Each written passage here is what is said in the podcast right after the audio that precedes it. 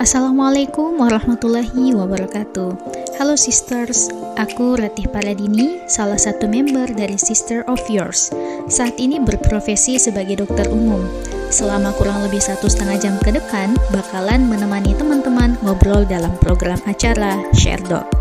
Insya Allah bakalan ngebahas seputar kesehatan, lifestyle, Islam, dan bahas yang rada random dikit nggak apa-apa lah ya. So, stay tune guys! Assalamualaikum warahmatullahi wabarakatuh.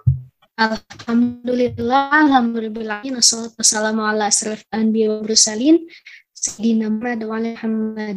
Rabbi syukli sadri bilisan. Alhamdulillah, alhamdulillah alamin, puji dan syukur panjang Allah Subhanahu wa taala atas begitu banyak nikmat rahmat serta karunia yang dilimpahkan kepada kita sehingga pada kesempatan kali ini di edisi Share Doc yang kedua uh, Alhamdulillah kita masih dapat dipertemukan meskipun lewat ruang-ruang virtual dan tak lupa tentunya kita kirimkan salam serta salam kepada baginda Nabi Muhammad Sallallahu Alaihi Wasallam para sahabat serta orang-orang yang fikoh beliau hingga hari kiamat kelak insya Allah. Nah uh, teman-teman sekalian pada kesempatan kali ini uh, aku bakalan ngebahas tentang masalah pendidikan kedokteran. Jadi teman-teman sekalian, uh, kalau misalkan kita melihat fenomenanya ya, baik itu yang udah masuk duduk di bangku kuliah maupun yang saat ini tengah bercita-cita untuk jadi seorang dokter atau minimal masuk fakultas kedokteran, tahulah ya teman-teman sudah tahu bahwasanya yang namanya memperebutkan kursi kekuasaan eh bukan ding bukan kursi bukan kursi jabatannya kursi untuk duduk di fakultas kedokteran itu uh, uh, tidak semudah itu kenapa karena orang-orang itu bilang sebutannya fakultas kedokteran itu adalah fakultas sejuta umat. Pemilihnya itu jauh lebih banyak dibandingkan dengan yang bakalan terpilih. Ngerasain nggak? Oh, misalkan FK UGM pendaftarnya sekian ribu yang keterima cuma sekian ratus gitu ya. Meskipun ada banyak jalur pendaftaran tuh ya. SNMPTN kalau zamanku dulu SNMPTN SBMPTN jalur undangan jalur tes tulis ada juga jalur mandiri lain lagi jalur prestasi gitu ya. Nah macam-macam. Nah kalau misalkan kita lihat fenomena yang ada segitu banyaknya orang yang memfavoritkan fakultas tersebut. Nah, bahkan kemudian kadang-kadang kalau yang udah masuk nih ya, karena saking susahnya bersaing dan saking susahnya buat masuk, uh, sekalinya lulus di fakultas kedokteran ada pride tersendiri gitu ya. Ada ada kebanggaan tersendiri gitu. Jadi pada saat misalkan ditanyain sama keluarga, "Oh, kuliah di mana, Nak?" gitu ya. Terus uh, bilangnya di kedokteran tante gitu ya. Jadi kayak seolah-olah ada satu kebanggaan gitu ya. Nah, dan itu dianggap sebagai sesuatu yang worth it. Makanya banyak banget orang yang akhirnya milih banyak banget orang yang kepengen gitu ya masuk uh, eh, FK. Tapi apakah memang worth it itu? Atau lebih banyak worry-nya nih? Kalau misalkan teman-teman yang udah masuk nih, pada yang yang yang udah kuliah preklinik misalkan uh, semester berapa rata-rata? Kalau menurut teman-teman itu worry lebih banyak worth it-nya atau lebih banyak worry-nya? Lebih banyak uh, yang dikhawatirkan setelah masuk di dalam ataukah ngerasa bahwa nggak apa-apa kok kak susah-susahnya itu worth it kok insya Allah ngerasain worth itnya di udah udah ngerasain worth itnya di mana. Teman-teman gimana? Pendapatnya nih. Atau aku mau ini deh mau mau ngajak ngobrol. Siapa nih yang mau curcol? Mau yang SMA yang baru mau daftar baru bercita-cita atau yang udah uh, masuk tes kedokteran mau sharing-sharing dikit boleh. Siapa nih? Ayo raise hand dulu. Ayo raise hand dulu. Silahkan. Gak ada ini. Oh nih, oh, ada iya. maharannya. Maharannya. Silakan, silakan. Teman-teman, Assalamualaikum warahmatullahi wabarakatuh. Waalaikumsalam warahmatullahi wabarakatuh. Dipanggil siapa nih? Rani, Rania? Oh, Rani. Oke, okay, iya. Rania. Jika aku mau minta nasihat. Mm -hmm. Rania sekarang uh, eh, SMA atau uh, sudah mahasiswa? Maba, Kak. Oh, maba 2021. Iya. Oh, Masya Allah. Oke, dari univ mana nih? Unismu Makassar, Kak. Oh, Unismu. Oh, dekat kita. Satu kota sama kita. Iya, iya, iya. Silakan, silakan. mau minta nasihat, Kak. Hmm? Eh, itu kan kadang Kak kalau ujian ujian teori kan nih Kak, eh, eh, atau enggak ujian praktikum. Kan ujiannya itu eh, via online kan Kak. Ada sekitar 50 orang di kampusku yang ujian online. Nah, mereka itu Oke. kalau ujian ujian online itu sambil buka PPT gitu Kak. Nah, di situ ada tergiur Oh, rasa gitu. ya, ada tergiur rasa rasa untuk apa Melakukan hal yang PPT. sama. itu dosa atau enggak sih kak takut dosa juga kan Kak? Ya, itu eh itu emang diperbolehkan sama dosennya. Kan kadang-kadang ada ujian yang memang kita boleh open book, kadang ada ujian yang harus close book. Nah, tergantung konteksnya, ujiannya itu memang diperbolehkan open book apa enggak. close book kak Kenapa? close book Oh, harus close book. Ya, jadi Iya. kalau misalkan ternyata dia itu close book, harusnya ujiannya, tapi tapi nah, artinya kalau kita open book malah uh, itu terkategori sebenarnya sebagai suatu bentuk kecurangan. Kan nggak mungkin ya kalau kita disuruhnya close book terus kita open book terang-terangan di depan di depan pengawas ujian. Apalagi ini benar-benar pengawasannya nggak ketat sama sekali karena ujiannya online kan ya. mau nyontek eh, di mana juga bisa gitu ya, mau buka internet juga bisa. Nah, maka yang harus diperkuat di sini adalah eh, pertama pemahaman kita tentang masalah boleh tidaknya nih eh, melakukan hal yang seperti itu apa enggak gitu ya, boleh apa enggak. Nah, nah jadi eh, kayak tadi tuh ya eh, yang menjadi landasannya kita buat ujian itu untuk tetap jujur bukan karena orang, bukan karena diawasin orang, dilihat orang atau dosennya kita. Tapi siapa yang menjadi pengawas ujiannya kita itu adalah Allah Subhanahu wa taala. Gitu. Dan itu jadi sesuatu yang insya Allah worth it bagi ke depannya. Kenapa? Karena uh, kita sudah memulai kebiasaan pertama jujur. Yang kedua, kita sudah memulai untuk menjadi orang yang punya integritas gitu ya, punya prinsip. Dan yang ketiga, uh, sebenarnya kalau misalkan kita itu nyari ilmu gitu ya, kalau misalkan kita itu nyontek itu kan artinya apa ya? Ibaratnya uh, bakalan jadi sesuatu yang tidak bisa kita ukur apakah kita sudah nah, kalau uji belum asal ah lulus malu nyontek itu bakalan jangan sampai di masa depan itu dampak gitu. Karena kenapa? Saat kita benar-benar udah berhadapan pasien kita itu kan bisa nggak bisa apa ya berbuat kecurangan sedemikian rupa gitu ya. Dalam artian ya itu bakalan ketika misalkan kita benar-benar belajar dari awal betul-betul uh, berusaha untuk menguasai satu materi tertentu itu bakalan worth it untuk masa depannya kita gitu loh. Kenapa? Karena yang dihadapi ini bukan cuma sekedar benda tapi orang bahkan nyawa gitu ya. Nah jadi itu yang dijadikan sebagai motivasi untuk senantiasa bersikap jujur insya Allah gitu ya.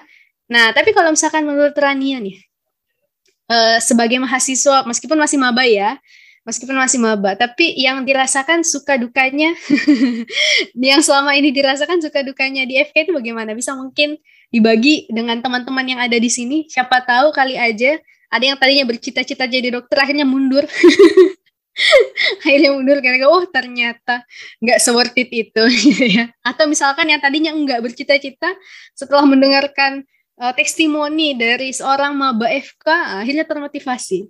Kalau menurut Rania gimana? Ada yang bisa di-sharingkan? Oke kak. Uh, aku nih kak sebagai maba ya suka dukanya itu wah masya Allah sibuk kak testimoni pertama sibuk ya harus pandai-pandai ngatur waktu kan. Iya iya. Jadi teman-teman SMA mungkin udah pada reunian, udah pada kumpul-kumpul, udah pada uh, dulu ya zamanku waktu belum ada covid ya. Kalau sekarang kan mah enggak ya.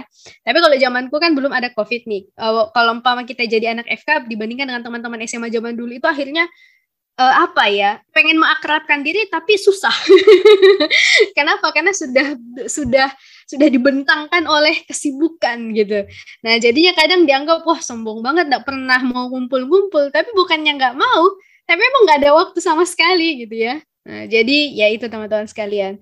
Jazakillah khair ya Rania sebelum aku bahas lebih lanjut tentang masalah pendidikan kedokteran, is it worth it or worry? Uh, aku mau sedikit sharing dulu pengalaman siapa nih yang mau dengar pengalaman cerita-cerita curhat-curhatan. ada yang atau ada yang nggak usah deh kak, nggak penting. nah, jadi kalau aku sendiri tuh uh, masuk di FK itu tahun 2013. Uh, masuk di FK Universitas Muslim Indonesia di Makassar. Uh, tapi aslinya uh, tamat SMA itu tahun 2012 gitu. Nah, di tahun 2012 itu ya sebagaimana orang-orang lain, teman-teman yang lainnya juga bercita-cita untuk masuk fakultas kedokteran, tentunya yang dilakukan itu adalah belajar SBMPTN. Bahkan uh, aku itu sempat ikut bimbel. Uh, bimbel itu kan biasanya ada kelas khusus ya, kelas khusus yang mau masuk FK. Aku ikut kelas khususnya gitu. Nah, tapi sebelum bimbel kan ada jalur SNMPTN juga ya, jalur undangan. Nah, ikut juga tuh jalur undangan. Tapi ya gitu susah juga masuknya. nah, jadi uh, singkat cerita, aku nggak lulus SNMPTN, ikut bimbel lah. Habis ikut bimbel, uh, daftar gitu ya, daftar SBMPTN. Milihnya ada beberapa beberapa fakultas, eh dua fakultas, dua-duanya FK, dua dua dua dua universitas yang berbeda, yang dua-duanya fakultas kedokteran aku daftarkan. Uh, yang ketiga itu IP, IPC, iya ding, aku dulu ambil IPC, dua FK satu IPS. Waktu itu aku ambil bahasa Arab Unhas. Nah, terus kemudian setelah SBMPTN pengumuman, alhamdulillah lulus. Lulusnya di pilihan yang ketiga. Padahal pilihan ketiga itu emang nggak kepengen di situ sih, cuman menggenapkan saja. kan biasanya gitu ya, kalau umpama IPC itu kadang-kadang gitu ya. Ada yang uh, pilihan satu, pilihan dua sebenarnya nggak kepengen pilihan kedua, tapi gimana ya, biar menggenapkan aja lah. nah, akhirnya aku nggak ngambil, nggak ngambil meskipun lulus di negeri karena masih ada kesempatan gitu. Masih ada kesempatan ikut ke jalur-jalur lainnya. Nah singkat cerita aku tuh pengen banget sebenarnya bisa lolos di uh, universitas yang ada di Jawa. Meskipun sebenarnya gimana ya aku tuh orangnya juga bukan orang yang pinter-pinter banget sih. Tapi enggak bego-bego amat juga waktu zaman SMA jadi masih ada masih ada rasa kepercayaan diri lah ya untuk bisa uh, setidaknya masih ada peluang kalau emang rezeki kayak gitu Nah, akhirnya uh, berangkatlah pertama kalinya dalam hidup gitu ya, merantau ke pulau orang, uh, menjelajah di sana. Nah, terus aku ikut beberapa uh, jalur mandiri, mulai dari Undip, Universitas Diponegoro, UNER, Universitas Erlangga. Nah, ternyata alhamdulillah nggak lolos juga gitu ya. Nah, Terus uh, ternyata yang negeri ini susah-susah banget nih buat masuk. Terus rata-rata pendaftarannya juga udah tutup. Yang buka ini gelombang tiga, gelombang-gelombang akhir kampus swasta di Jawa. Nah, di Jawa kan lumayan ya. Satu kali ke sana kan lumayan ada beberapa uh, ada beberapa kampus-kampus swasta tuh yang bisa didaftarin. Dulu zamanku di Makassar itu cuma FK UMI, FK Unismu doang yang swasta. Kalau sekarang kan udah udah banyak ya ada UIN kalau UIN yang negeri sih kalau sekarang yang baru ada juga Unibos kan kalau sekarang di Makassar tuh jauh lebih banyak lah dibandingkan dengan zamanku dulu. Nah, tapi kalau di Jawa kan lumayan, lumayan banyak. Ada di Jogja, ada di Malang gitu ya. Di Malang ada ada dua, di Jogja ada berapa, ada di Bandung. Nah, ada kesempatan tuh. Nah, akhirnya apa? Daftar Universitas Muhammadiyah Malang. Uh, cek per cek ternyata pada saat muat gak lulus lagi, masya Allah gitu ya, gak lulus lagi di kampus swasta penyerah. Ya cari lagi nih kampus swasta mana yang masih buka. Dapat nemu oh UMY Universitas uh, Jogja eh, Universitas Muhammadiyah Jogja gitu ya. Ke UMY lah. Singkat cerita gitu ya, aku daftar uh, dua jalur kalau nggak salah jalur CBT. Jalur CBT itu kesempatan tiga kali tes jalur PBT satu kali tes gitu. Jadi total di UM-nya itu aku empat kali tes, CBT uh, tiga kali. Dan memang ternyata pas uh, aku sharing-sharing sama temen, sama teman yang FKG di sana, dia emang bilang CBT itu jarang banget yang lulus. Jadi ibaratnya orang eh, rata-rata apa ya ngeluarin cuman ngeluarin duit buat daftar tapi uh, buat lulusnya itu susah banget karena dia itu kan pakai standar misalkan FK itu harus bener sekian sekian nomor gitu ya. Aku kemarin salahnya berapa nomor gitu ya. Nggak nggak sampai sampai meskipun udah tiga kali tes yang ketiga kalinya gitu. Nah eh, PBT juga ternyata nggak uh, lolos juga masya Allah. Apa habis itu berhenti? Kira-kira kalau teman-teman jadi aku mau bakalan berhenti nggak ya? waktu itu sih, ya waktu itu sih karena masih disupport sama orang tua juga, uh, dalam artian orang tua juga nggak ngelarang buat daftar lagi meskipun bosan banget ya bosan banget orang tua tuh kalau ditelepon ma doakan ya lagi daftar di sini kayaknya uang orang tua habis buat dipakai pendaftar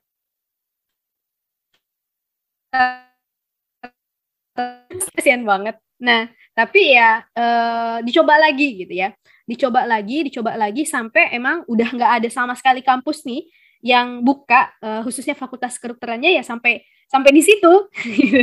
sampai di situ perjuangannya. Nah, tapi apakah habis itu akhirnya ya udah deh kalau udah nggak lulus di tahun 2012 ya, tahun pertama uh, apakah aku emang udah nggak ini ya?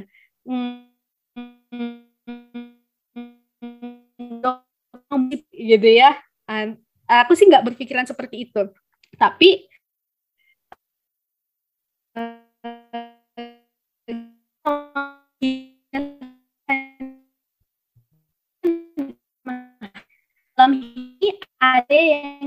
saya kuasai kuasai adalah gimana sebetulnya bisa ada kuasa itu yang disebut Allah ataupun takdir Allah itu hal yang sudah nggak bisa kita punya pilihan di dalamnya.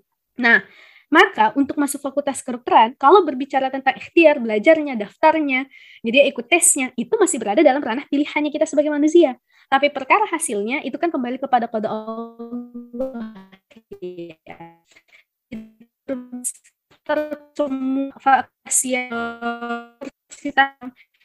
Punya peran, aku berpikir apakah masih ada kesempatan nih, ada chance nggak nih, punya pilihan nggak nih ya buat masuk FK. Nah aku pikir aku masih punya pilihan kok. Pilihannya apa? Pilihannya tes lagi tahun depan. Nah, kan batasnya itu mini uh, maksimal dua tahun ya kalau aku nggak salah ingat dulu zamanku dua tahun. Jadi maksimal banget misalkan uh, daftar di tahun 2013 itu maksimal di kesehatan 2011 gitu. Nah, tapi terus ngapain satu tahun itu? Aku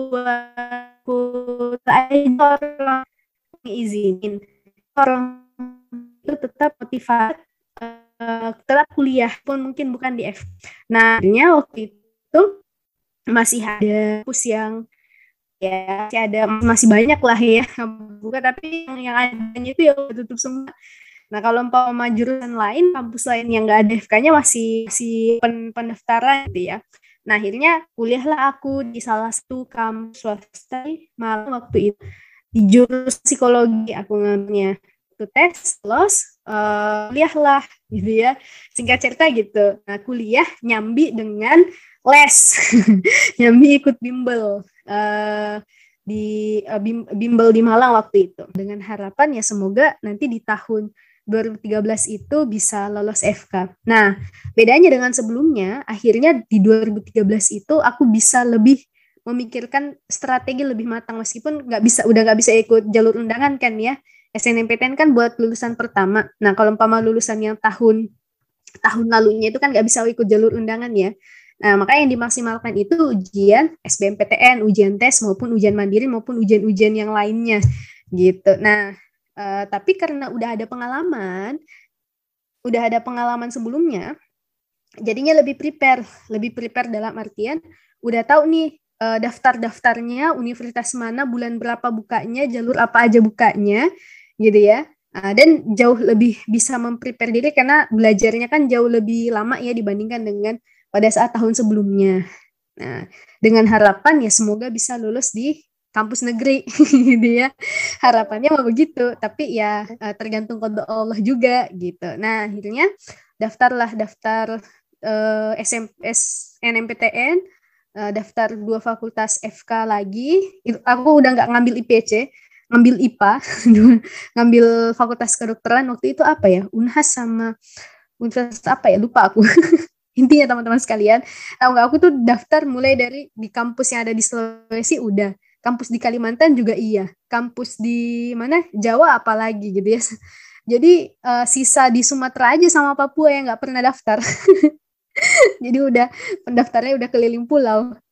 Nah terus singkat cerita akhirnya begitu juga dengan kampus-kampus swasta gitu ya di kampus-kampus swasta juga aku uh, daftar lagi khususnya di Jawa Nah, tetapi ternyata qadarullah uh, tadi aku lolosi sama sekali. nah, waktu tahun pertamaku tuh aku nggak ngambil swasta yang ada di Makassar karena sudah tutup gitu ya, terlambat uh, apa namanya, terlambat informasi, terlambat tahu. Nah, akhirnya di tahun kedua ini uh, aku daftarlah ke singkat cerita daftarlah ke balik lagi ke Makassar daftar di kampus swasta yang ada di Makassar.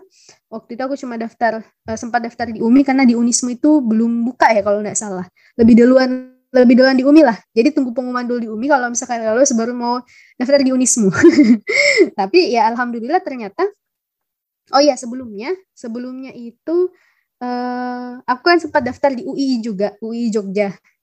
Nah, itu kan harus mesti ambil dua pilihan ya kalau kita IPA. Aku ngambil FK sama farmasi gitu ambil FK sama farmasi nah makanya pada saat itu uh, alhamdulillah lulusnya di farmasi bukan di FK-nya kasihan banget. Nah jadi aku tuh kan udah ada pegangan ya. Makanya pada saat itu aku udah mau ninggalin psikologi ceritanya uh, yang di kampusku tuh sebelumnya. Karena kan aku cuma satu semester juga sih aktif kuliahnya semester berikutnya aku nggak bayar SPP lagi karena uh, mau fokus buat bimbel gitu ceritanya. Nah tapi semuanya atas izin orang tua gitu. Aku ngambil aku mempertimbangkan sesuatu ngambil keputusan tetap konsul ke orang tua juga. Nah habis itu akhirnya uh, singkat cerita dari tadi singkat cerita nggak singkat singkat ya ceritanya kok jadi panjang gitu ya mohon maaf ya kalau umpama kisahnya membosankan tapi ada yang relate katanya. Nah, jadi ya teman-teman sekalian ya, ya gitu. Intinya ter, waktu pas uh, di UMI itu, uh, alhamdulillah pas pengumuman, eh ternyata lolos gitu. Nah, pada saat lolos, eh dijulidin juga ya sama orang. ternyata uh, tidak semua memberikan jadi lucu gitu aku, aku bahas tentang masalah hal ini karena kadang-kadang di balik sukanya kita kadang-kadang ada dukanya juga di balik duka kadang-kadang ada suka juga ya nah jadi uh, waktu itu tuh ada tante yang cerita gitu. Saking susahnya orang masuk FK, coba ya saking susahnya orang masuk FK. Sekalinya tanteku tuh cerita sama tetangganya, ih ponakanku lolos di di FK. Kata tetangganya apa? Hah pasti kalau nggak pakai joki dia itu ngebayar buat masuk. Padahal mah ya kalau misalkan pakai jalur yang kayak gitu ya dari awal pertama udah dosa yang kedua tidak barokah. Jadi lebih baik misalkan kita nggak lolos tapi dengan cara yang terhormat dibandingkan dengan masuk ke fakultas yang terhormat tapi dengan cara yang nggak terhormat gitu. Ngapain coba pakai joki-jokian yang bikin susah diri juga. Nanti kalau misalkan ternyata pas masuk tidak kompeten kan pusing juga gitu. Nah jadi uh, nggak apa-apa budok membakar semangatnya udah nyerah duluan oh iya iya nggak apa-apa ya jadi pengalaman-pengalaman ini semoga bisa jadi hal yang semoga uh, jadi hal yang positif ya buat teman-teman sekalian. Tapi aku sebenarnya nggak maksa, cuman akhirnya ini jadi sesuatu yang bisa jadi insight yang uh, tersendiri, khususnya bagi teman-teman yang ngerasa emang apakah masuk FK itu so worth it itu gitu ya. Nah, sebelum aku bahas tentang worry-worrynya ya, sebelum bahas hal yang worry, aku bahas dulu nih perjuangan masuk FK sampai sebegitunya gitu ya, sepengen itu seberjuang itu gitu ya. Nah, seberkorban itu buat masuk.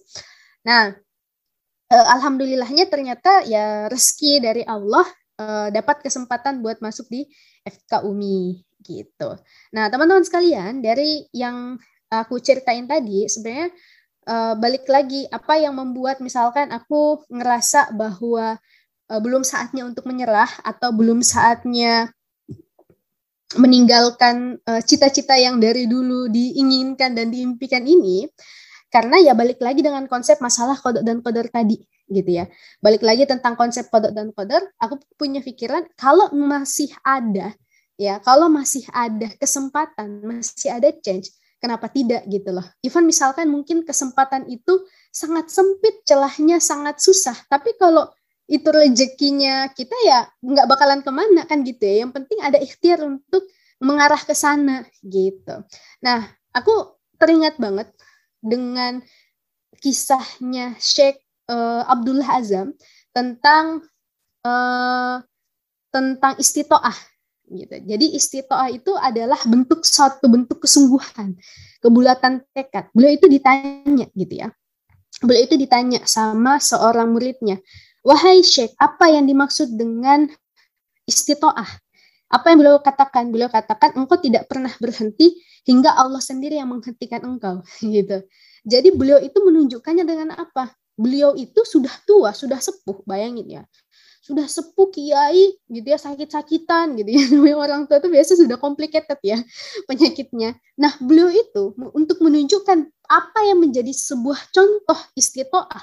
Beliau itu keliling, lari, coba bayangkan, lari keliling lapangan sudah setua itu lari lari dihentikan sama sudah sempoyongan sudah sesak gitu ya masih lari juga muridnya udah mencegah nih si Sheikh ini sudah Sheikh sudah sudah cukup jangan lari lagi nggak Sheikhnya itu tetap lari lari lari lari sampai akhirnya si Sheikh itu pingsan coba Terus pada saat beliau itu sadar, dari pingsannya alhamdulillah sadar ya, nggak modar. Masya Allah.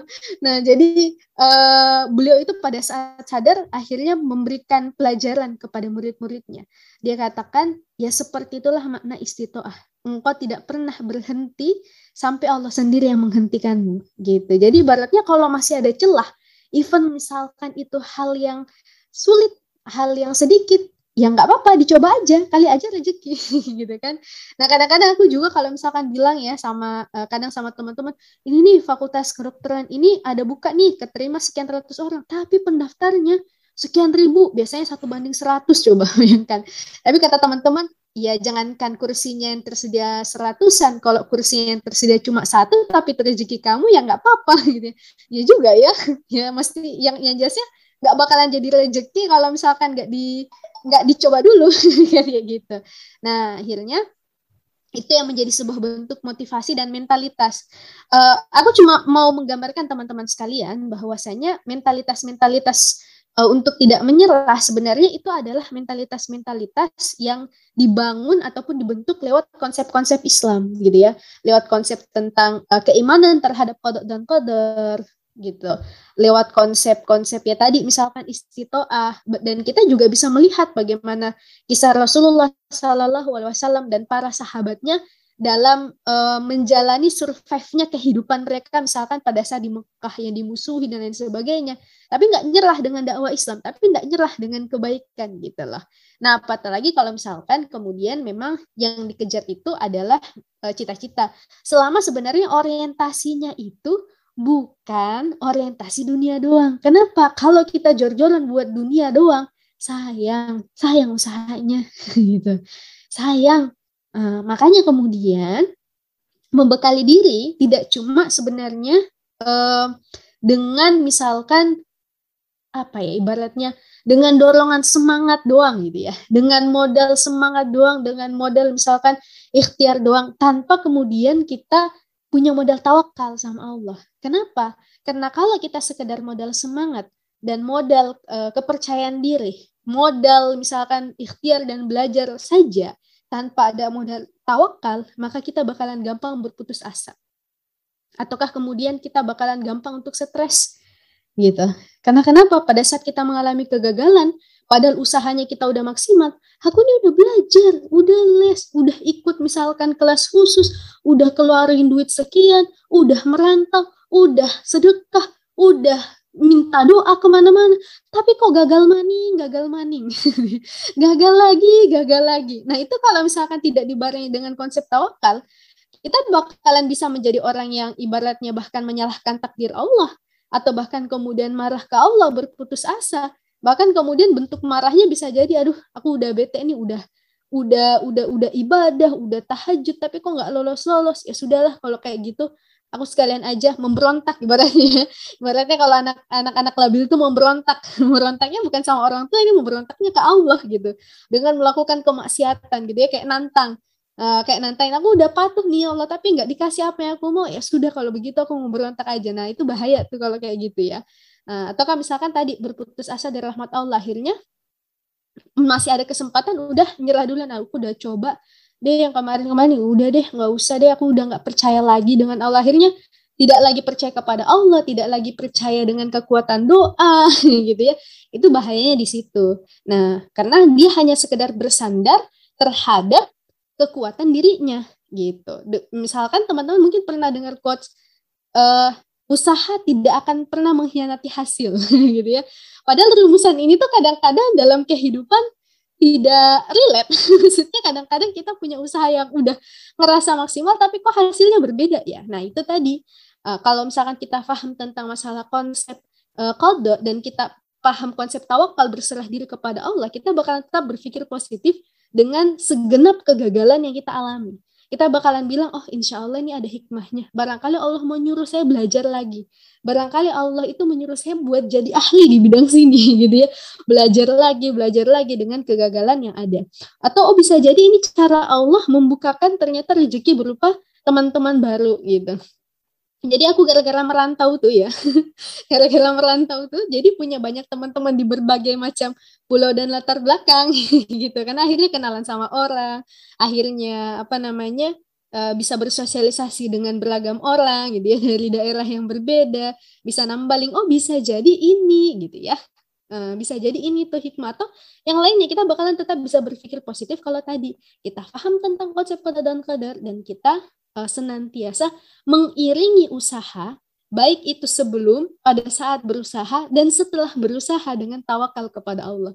Berserah diri kepada Allah. Jadi berserah dirinya bukan cuma pada saat uh, ngarepin hasilnya doang, enggak pada saat berusaha juga dalam proses perjalanan ikhtiar ya harus sudah ada tawakal di situ gitu loh. Harus sudah ada penyerahan diri kepada Allah di situ bahwa ya uh, akan ada senantiasa kekuatan Allah yang membantu kita, yang menolong kita. Apa pun nanti hasilnya itulah yang terbaik untuk kita. Gitu. Karena kenapa ya? Balik lagi, manusia itu banyak sok taunya tapi yang maha tahu itu cuma Allah gitu loh, apa yang terbaik untuk kita. Nah, akhirnya ya itu menjadi sebuah bentuk kesyukuran. Oh, berarti rezekiku tuh di Umi ya. Udah, itu adalah uh, tempat yang terbaik yang bisa jadi Allah sediakan uh, untuk aku gitu kan. Nah, uh, itu yang harus itu itu itu yang jadi satu kisah ya. Kalau dari aku pribadi alhamdulillah akhirnya banyak hikmah banyak banyak hal uh, positif yang bisa didapatkan meskipun akhirnya uh, aku lulus FK itu di tahun kedua bukan di tahun pertama lulus SMA gitu. Dan ternyata juga banyak yang rata-rata gitu. Bahkan ada yang di tahun bukan di tahun di tahun ketiganya gitu ya.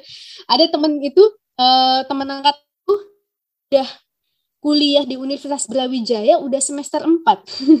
udah semester 4 di Universitas Brawijaya jurusan ekonomi dan bisnis. Nah, tapi akhirnya apa? Akhirnya dia karena punya cita-cita mau masuk FK juga, daftar di FK UMI eh, lolos di tahun di tahun 2013 gitu. Padahal dia aslinya angkatan 2011 gitu. Dulu waktu aku juga tes di UMM itu kebetulan di Malang Uh, aku juga nemu satu teman dia dari Gorontalo, dia angkatan 2011 aslinya tapi kena mau masuk FK juga. Jadi bareng bareng sama aku belajar bareng sama aku daftar uh, eh, FK tapi uh, dia nggak daftar di Makassar. Akhirnya dia cuma ngejarnya di Jawa. Dan akhirnya karena itu sudah tahun terakhirnya dia nggak dia nggak apa namanya dia nggak lanjut lagi gitu ya. Maksudnya dia dia nggak lolos di uh, UMM akhirnya dia udah nggak punya kesempatan dan emang nggak diridoi juga buat uh, ke Makassar untuk ini ya dia nggak ada planning gitu ya selain di Jawa. Targetnya cuma di Jawa kalau dia dia tuh gini kalau misalkan aku nggak lulus dia ya udah aku lanjutin kuliah gitu ya. Dia lanjutin kuliahnya sekarang karena dia pada saat itu udah semester 4 juga. Nah tapi ternyata masya Allah dia itu di jurusannya uh, dia dulu satu kampus sama aku ya di salah satu kampus swasta di Malang. Tapi beda jurusan aku psikologi dia apa ya waktu itu? Aku lupa hukum ya kalau nggak salah. Tapi akhirnya dia di fakultasnya itu berprestasi gitu. IPK-nya tinggi, dia suka, suka ikut lomba-lomba, ya rezekinya ternyata bukan di FK tapi dia tetap bisa shining ya uh, shining semiring. Apa sih? Ya, ya dia bisa ber, bersinar gitu lah. Dia bisa bersinar bisa uh, apa namanya berprestasi di ininya di di fakultasnya. Ternyata itu memang rezeki yang terbaik untuk dia gitu lah. Nah jadi jalan hidupnya orang itu uh, apa ya emang macam-macam dan nggak bisa disamain gitu nah sehingga teman-teman itu worth it-nya itu uh, struggle-nya buat masuk. Nah, apatah lagi pada saat sudah masuk di dalam. Apakah sudah lega pada saat sudah lulus? Belum ya, belum belum kalau misalkan baru lulus masuknya. Nah, nanti di dalam wah, mesti mesti survive gila-gilaan lagi gitu ya buat lulus uh, blok aja itu ya masya Allah kalau mau udah dapat B aja udah udah syukur banget gitu ya. Nggak remet aja itu udah syukur banget gitu. Karena tau lah ya yang namanya fakultas kedokteran itu sibuknya minta ampun. Tadi udah ada testimoni tuh dari Rania. Dia masih maba testimoni yang pertamanya sibuk kak. Ya masya Allah gitu ya. Lain lagi nanti kalau koas lebih gila lagi kesibukannya. Yang kadang-kadang jaga malam lanjut lagi lanjut lagi dinas paginya ya kadang-kadang apa ya ya kadang mesti uh, ada beberapa ada beberapa uh, pengalaman ataupun ada beberapa gara-gara tugas-tugas ataupun misalkan jadwal koas ya kadang mesti nggak tidur gitu ya dalam semalaman itu gitu. Nah uh, pada intinya adalah teman-teman sekalian kalau DFK itu kebahagiaannya cuma dua pada saat lolos masuk dan pada saat lolos keluar dalam artian udah sumpah dokter. Jadi itu yang bikin worry. Waduh ini bikin worry ternyata di dalamnya itu tidak sebahagia itu. Bahagianya cuma pada saat masuk dan pada saat keluar. Nah apalagi hal-hal yang bikin worry dalam pendidikan kedokteran teman-teman sekalian. Uh, pertama adalah uh, di fakultas kedokteran sendiri ya entah di fakultas lain juga berlaku apa enggak ya. Eh, kadang-kadang uh, kemudian ada istilah kalau yang nonton Harry Potter tahu magel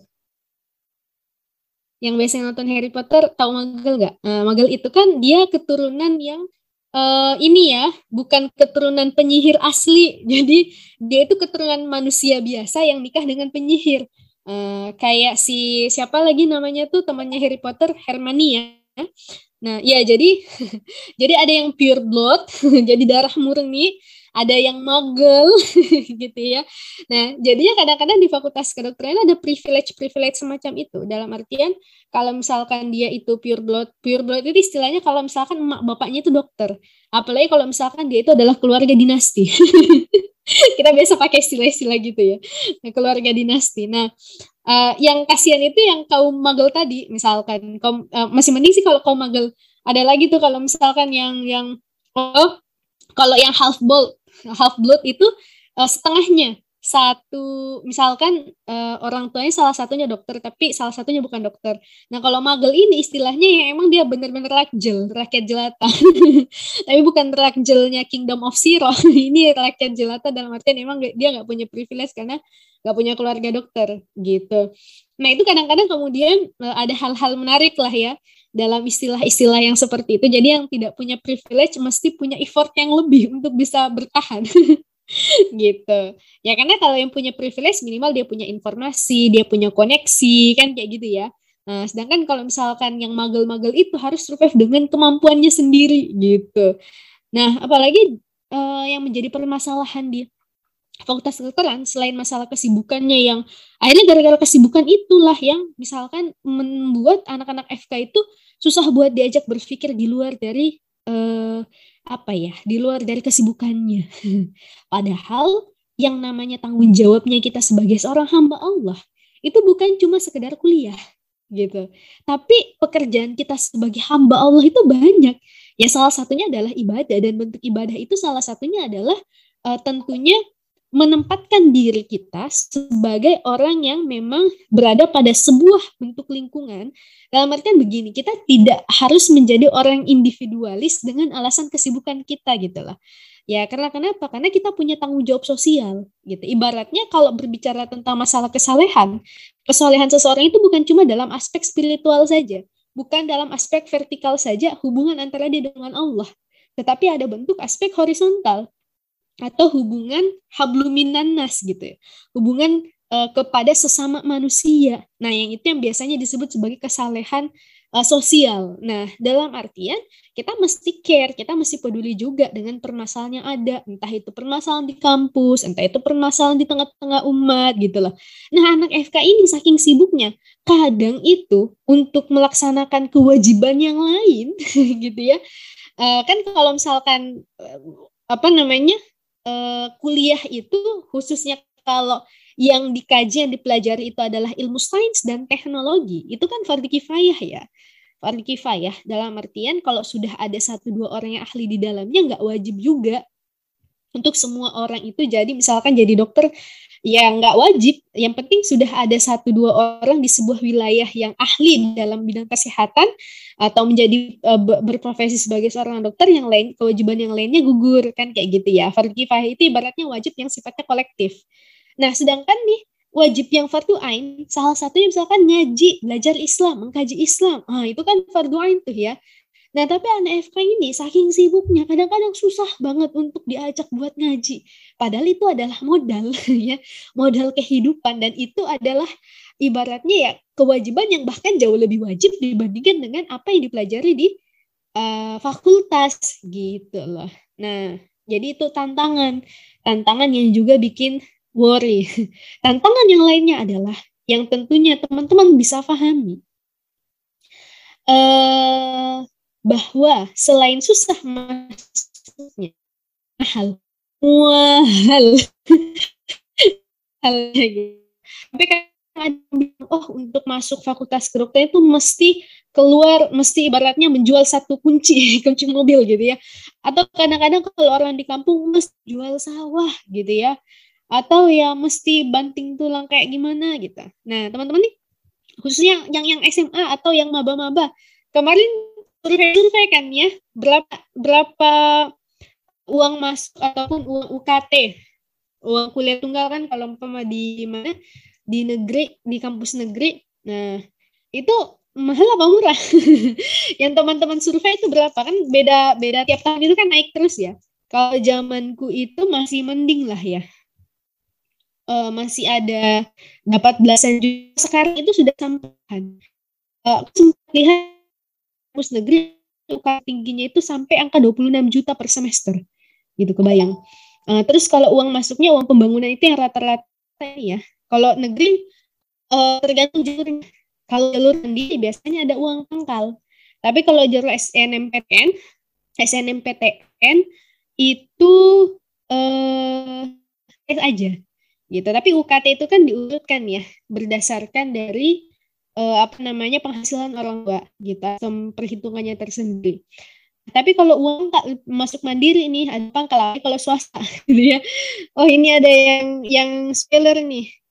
Kalau di ya salah satu swasta ya, lebih parah lagi uang gedungnya 2xx juta dibayar di muka 200-an juta. Ya itu 200-an juta masih masih average lah ya masih rata-rata ada yang sampai 300-an juta Nah, apalagi kalau misalkan di kampus-kampus yang lebih benefit lagi gitu ya. Yarsi, Trisakti, waduh, luar biasa. nah, ini yang terkenal ini ya, terkenal terkenal fancy-nya. terkenal dengan muahalnya. Nah, dan itu jadi sesuatu yang membuat worry. Kadang-kadang akhirnya, misalkan banyak yang pinter-pinter, tapi karena misalkan melihat kemampuan orang tua aku kak kayaknya nggak sanggup buat sekolahin aku di kedokteran. Jadi akhirnya apa? Jadi akhirnya cita-citanya, padahal dia punya kemampuan, otaknya pinter gitu loh. Tapi karena masalah biaya, eh, masalah ya tadi nggak mau memberatkan orang tua, akhirnya ada yang berhenti gitu ya. Akhirnya ada yang berhenti entah di tengah jalan atau misalkan dalam uh, baru mau daftar udah berhenti duluan, udah nyerah duluan kalau misalkan kampus swasta tuh agak susah ya dapat beasiswanya. Bukan nggak ada tapi uh, nggak sebanyak misalkan di kampus negeri kalau untuk bisa dapat uh, beasiswa. Tapi alhamdulillah kalau misalkan ada yang bisa dapat uh, beasiswa gitu ya. Meskipun kemudian kadang-kadang udah ada yang dapat uh, beasiswa pun gitu ya perintilan-perintilan lainnya tuh masih mahal. Mulai dari buku, buku wajib, buku wajibnya aja ya buku buku Atlas Anatomi yang Sobota aja zamanku tahun 2013 ya aku beli itu 1,5 gitu. Itu buku loh, harga 1,5. Yang rada tipis-tipis itu harga 300 ribuan, 500 ribuan. Gak tau kalau sekarang harganya udah berapa. Udah 2 jutaan kali ya. harganya. Yang wajib-wajibnya aja udah segitu teman-teman sekalian. Itu baru buku, belum perintilan-perintilan yang lainnya gitu loh. Belum belum uh, ininya, belum misalkan barangkali ada beli alat-alatnya lah, ada beli macam-macam gitu ya. Nah, jadi kebayang ya, itu yang bikin worry. Nah, tadi udah dikasih semangat yang membakar, ini kok langsung dikasih down lagi, Kak. Gak apa-apa. Teman-teman biar bisa menimbang secara objektif ya. Bisa menimbang secara uh, objektif uh, tentang bagaimana pendidikan di kedokteran itu worth it atau emang uh, worry gitu. Jadinya disampaikannya ya belak-belakan apa yang jadi sebuah uh, tantangannya dan apa yang memang menjadi satu bentuk kebaikan-kebaikan yang ada di dalamnya, keseruan-keseruan yang ada di dalamnya. Ya seru kok. kan dibalik lagi, dibalik suka ada duka, dibalik duka ada suka. jadi ya teman-teman sekalian, balik lagi itu hal yang bikin worry. Padahal sih sebenarnya kalau bicara tentang masalah pendidikan, kalau dalam pandangan Islam ya, kalau kita membuat komparasi, kalau kita membuat perbandingan, pendidikan dalam pandangan Islam itu adalah hal yang wajib dipenuhi oleh negara terhadap masyarakatnya. Gitu. Dalam pandangan Islam seperti itu. Maka kalau misalkan kita belajar sejarah ya, belajar sejarah Islam, Allah zaman-zaman dulu tuh ya, wajar kalau ternyata Islam itu peradaban Islam memberikan sumbangsih terhadap ilmu pengetahuan itu luar biasa. Banyak muncul ilmuwan-ilmuwan yang uh, keren-keren, banyak muncul ilmuwan-ilmuwan dan penemuan-penemuan yang mutakhir. Karena kenapa? Salah satunya disokong oleh pendidikan yang kuat. Gitu. Kenapa? Karena pendidikan pendidikan di zaman dan di, di dalam sistem Islam itu memberikan jaminan sehingga orang tuh fokus buat belajar. Kalau sekarang mah enggak. Sekarang itu lucunya kita itu apa ya? Uh, sekarang tuh sudah ada ini kan ya dari tahun berapa tuh ya kalau di kampus di kampusku baru beberapa tahun yang lalu dimulai uh, udah dimulai diarahkan mahasiswa untuk uh, minimal mandiri secara ekonomi dengan um, membuat membangun paradigma entrepreneurship gitu ya. Nah kadang-kadang bahkan dikuliahkan bahkan ada SKS-nya ada mata kuliah entrepreneurship coba gitu. Akhirnya itu kan bikin mahasiswa yang nggak jadi masalah sih. Dalam artian orang kuliah sambil dagang nggak apa-apa. Cuman kalau misalkan kita udah lihat bagaimana kesibukan misalkan mahasiswa fakultas kedokteran terus mau diarahkan mereka untuk juga jadi entrepreneur apa nggak terpecah konsentrasinya? Gitu. Kebayang ya? Nah, padahal ya kalau misalkan kemudian uh, emang benar-benar mau memberikan yang terbaik untuk mahasiswa bukan paradigma memandirikan secara ekonomi itu kan artinya apa ya dari awal kita dididik sebagai pekerja tapi bukan sebagai seorang pemikir gitu lah. Nah padahal uh, kalau dalam pandangan ini tadi akhirnya para peserta didik tidak terfokus untuk misalkan mau nyari duit gitu ya. Karena kenapa? Bahkan mereka bahkan peserta didik di beberapa uh, sejarah itu disebutkan bahkan mereka yang dibayar, mereka yang digaji coba. Jadi fokus tuh buat belajar sungguh-sungguh gitu loh. Karena kenapa ada bentuk jaminan dari negara terhadap masyarakatnya. Lah kalau sekarang enggak, pendidikan itu enggak dijamin oleh negara tapi ya kita sendiri yang survive dengan pendidikannya kita gitu dan yang ya ibaratnya karena pendidikan dikomersialisasi namanya sesuatu yang dikomersil maka makin mahal fasilitasnya makin oke. Okay. Kalau misalkan murah ya fasilitasnya juga kadang-kadang ya ya gitu sesuai harga. Nah ini kan jadi jadi jadi uh, problematika gitu ya teman-teman sekalian. Apatah lagi fakultas kedokteran itu adalah fakultas yang di mana sangat subur untuk dikomersialisasikan gitu. Makanya dulu sebenarnya bahwa waktu di tahun di tahun-tahunnya aku teman-teman ISMK itu Ikatan Senat Mahasiswa Kedokteran uh, pada saat di tahun-tahun uh, sekitar tahun berapa tuh ya 2000 2016 2015an itu kan sudah mau mulai dibangun banyak fakultas FK baru ya dari kampus-kampus baik itu kampus eh, dari kampus-kampus swasta terutama. Nah, teman-teman SMK itu menolak pembukaan sebenarnya kampus-kampus swasta FK baru. Kenapa? Permasalahannya masih banyak banget kampus-kampus itu yang FK-nya akreditasi C. Kemudian masih banyak lulusan-lulusan dari beberapa kampus itu yang sampai saat ini uh, belum lulus-lulus UKM PPD. Wah, Bu, aku belum cerita tentang pengalaman UKM PPD lebih parah lagi tuh. UKM PPD itu apa? Ujian kompetensi uh, mahasiswa pendidikan profesi dokter. Ini adalah ujian akhir ya, ujian kompetensi untuk dapatkan gelar dokter. Jadi setelah koas mesti ada ini dulu ujian dulu. Jadi nggak langsung bisa sumpah dokter, nggak bisa langsung dapat gelar DR gitu ya. Di depan nama sebelum lolos dari UKM PPD ini, ujian ini. Waduh, ujiannya itu masya Allah susah banget. E, dari berapa ribu gitu ya? Dulu gelombangku berapa ribu ya yang daftar? Kalau nggak salah ada sekitar 2000-an ya, 2000-an yang daftar, yang lulus itu cuma seribuan gitu ya. Nah, itu pun bahkan ada senior itu yang sampai uh, ujian ke-16 kalinya baru kemudian bisa lolos. Kebayang. Padahal ujian itu nggak tiap hari loh bukanya. Ujian itu cuma UKM PPD itu cuma buka dalam satu tahun dua kali kalau aku nggak salah ingat. Iya dua kali per enam bulan. Tes gelombang itu masih di yang masih dibayarkan kampus. Tapi kalau misalkan uh, udah ujian yang dia udah gelombang pertama atau ujian pertama yang nggak lolos, maka ujian berikutnya harus bayar sendiri. Itu pun juga bayarannya mahal. Kalau aku nggak salah satu juta ya atau apa atau berapa gitu. lumayan, lumayan, lumayan banget buat daftar ujiannya aja uh, luar biasa susah gitu. Nah, ini kan artinya apa? Ada ada di sistem pendidikannya kita yang masih uh, bermasalah karena belum bisa menghasilkan benar-benar mahasiswa yang bisa kompeten minimal kemudian untuk bisa lulus ujian UKM PPD. Lah ini mau buka lagi yang yang yang semasif itu tanpa memperbaiki akreditasi C ini itu kan ibaratnya ya kelihatan banget kan komersialisasi pendidikannya gitu Nah itu yang akhirnya uh, jadi sesuatu yang apa ya teman bisa nilai sendiri lah ya. Jadi kebayang UKM PPD itu banyak banget yang daftar cuma sekitar 50-an persen, 40-an persen yang bisa lulus gitu. Nah, eh jadi ya tadi ya buat teman-teman yang masih merasa aduh pengen banget jadi dokter dan sebagainya. Ya balik lagi teman-teman sekalian. Itu tadi proses perjuangan yang sudah mahal kemudian ya macam-macam. Kadang-kadang kemudian ada uh, orang yang punya privilege tertentu sementara kalau yang gak punya privilege itu mesti berjuang keras belum lagi masalah kesibukan gitu ya.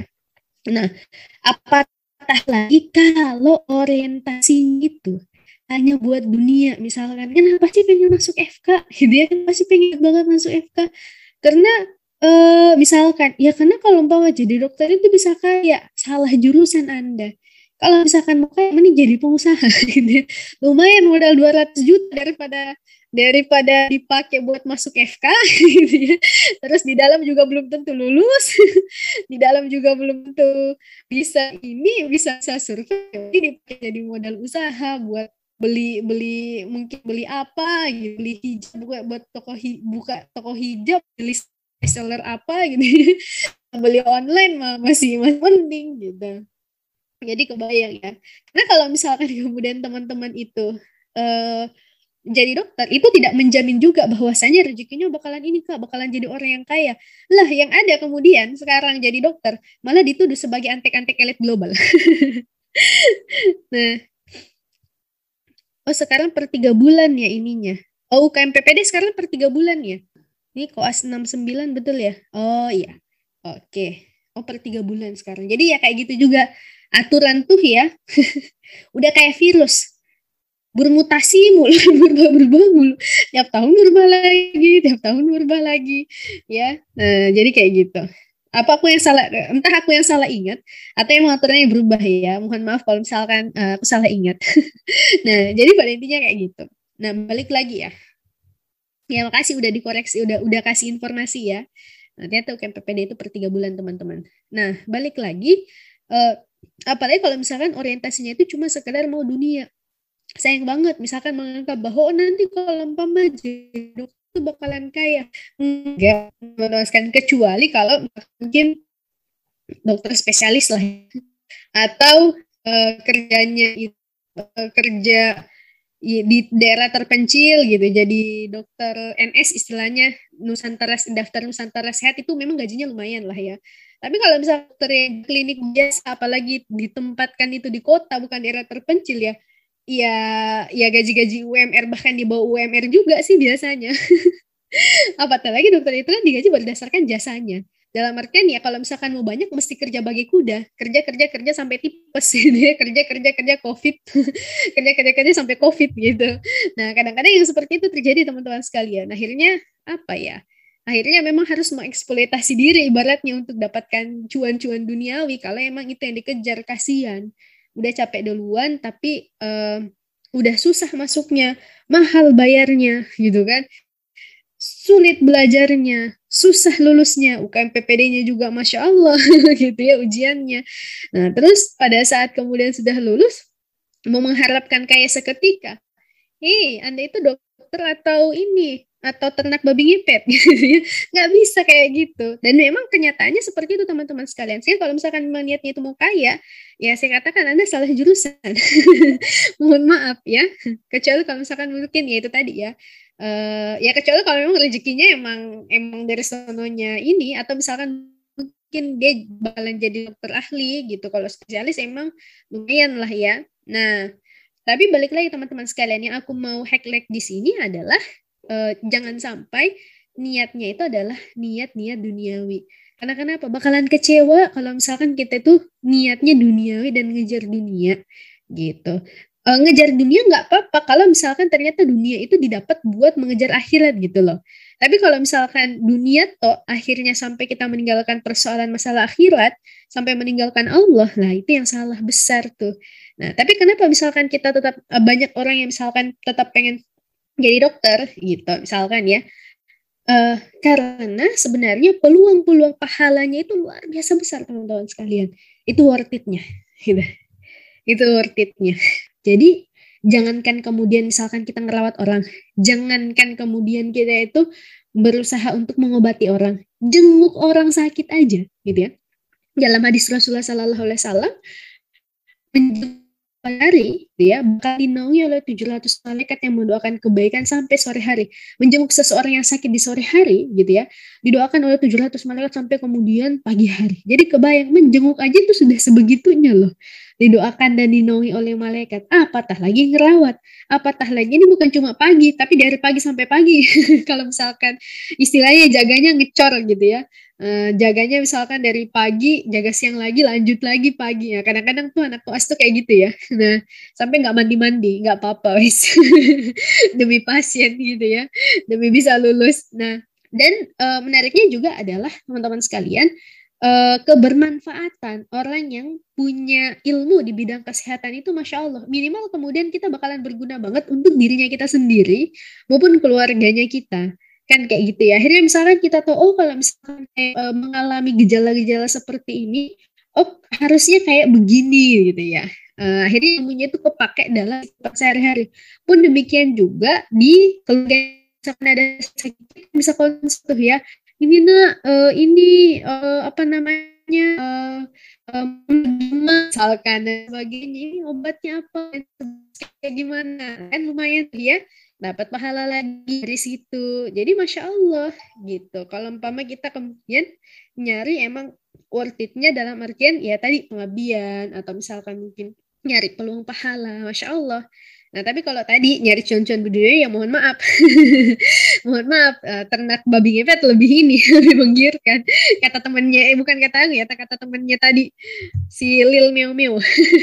nah jadi uh, dari Anissa uh, Kaili lah nggak lulus nggak nikah. Iya jadi ibaratnya menghambat skripsi satu hari menghambat skripsi sama dengan satu hari menghambat resepsi jadi kalau nggak lulus nggak nikah nikah katanya. Ya itu salah satu hal yang bikin worry juga. Uh, kenapa? Karena kesibukan uh, orang misalkan yang harus survive di fakultas kedokteran itu sekolahnya lama teman-teman sekalian. Ya es, eh, misalkan dia dapat sarjana 4 tahun tambah koas 2 tahun 6 tahun. Teman-teman yang lainnya udah pada nikah udah pada punya anak udah pada PNS gitu ya. dia masih apa? Dia masih jadi anak sekolah Jadi kebayang, udahlah kemudian koas habis UKMPP dia internship lagi satu tahun. mengabdi lagi satu tahun. Ya, alhamdulillah kalau misalkan pada saat ya, itu udah ada jodohnya. Kalau enggak ya ya kayak gitu. Jadi kalau semakin ditunda semakin berkepanjangan kuliahnya ya semakin susah juga nyari jodohnya katanya. Ya meskipun ya balik lagi sih kalau mau bicara tentang masalah jodoh itu ya balik lagi ke Allah, balik lagi ke kodoknya Allah. Cuman tadi memang kalau kita lihat ya itu yang salah satu hal yang bikin worry juga gitu. Makanya akhirnya ya teman-teman yang ngambil fakultas kedokteran perada uh, dalam tanda kutip perada terlambat gitu ya. Kadang-kadang kalau di diibaratkan mau dirata-ratakan jadwal nikahnya dibandingkan dengan yang kampus lain. Kampus lain misalkan udah empat tahun lulus kuliah udah bisa nikah gitu ya. Kalau umpama anak FK bisa sih tapi bikin bikin repot diri sendiri. Kalau misalkan masih sementara studi masih sementara kuliah nambah amanah baru lagi gitu. Nah uh, itu itu hal yang bikin worry juga ya yang lain. Nah, balik lagi. Jadi teman-teman sekalian bisa kebayang ya tentang worth it dan worry-nya. Uh, meskipun banyak worry yang tadi udah kita bahas nih ya, ketika orientasi niatnya kita itu ikhlas karena Allah dan kita menganggap insya Allah kak ini hal yang worth it kok. Meskipun banyak susahnya tapi ya banyak juga amal-amalan banyak juga pahala banyak juga kebaikan-kebaikan yang bisa didapatkan di dalamnya. Ya it's okay kalau misalkan memang kita itu uh, tetap kepengen ya Bismillah jalani aja. Tapi yang aku mau pesankan di sini adalah teman-teman sekalian nggak mesti dengan pendidikan kedokteran sebenarnya tapi apa pun profesinya kita, selama kemudian hal tersebut bisa memberikan kebermanfaatan di tengah-tengah umat, itu tuh worth it, gitu ya. Jadi, kalaupun misalkan ada orang yang jadi dokter, bahkan barangkali dia spesialis, bahkan barangkali dia profesor, tapi dengan kapasitas ilmunya, dia tidak memberikan manfaat kepada orang lain, tapi bahkan kemudian ilmunya itu hanya digunakan untuk mengejar yang namanya materi, maka sayang sekali gitu. Karena kemuliaan seseorang itu tidak dilihat dari profesinya, tidak dilihat dari gajinya, tidak dilihat dari tampilannya dia pakai jas apa, dia pakai seragam apa enggak. Tetapi Allah itu melihat hambanya, kemuliaannya dilihat dari sisi apa? Ketakwaannya gitu. Nah, maka apa? Apa pun yang menjadi bentuk profesinya kita, entah masih mahasiswa, entah masih mabas, entah masih koas, yang katanya kalau koas itu bahkan lebih rendah daripada keset kaki, gitu ya. Nah, uh, tapi ya balik lagi teman-teman sekalian, selama kemudian kita bertakwa, apa pun profesinya kita, maka selama itu kemudian kita tetap punya kemuliaan di sisi Allah Subhanahu wa taala. Kita bisa melihat bagaimana Islam itu ya mendidik mendidik para ilmuwan-ilmuwan gitu ya, bukan cuma sekedar menjadi ilmuwan yang cerdas di bidang kedokteran, tetapi menjadi ilmuwan-ilmuwan yang juga ya beriman dan bertakwa kepada Allah. Apalagi kalau misalkan kita lihat bagaimana kontribusi para ilmuwan ya, para ilmuwan muslim di zaman kegemilangan Islam, oh masya Allah, ada yang mungkin terkenal Ibnu Sina gitu dengan kitabnya Qanun Fi'atib gitu.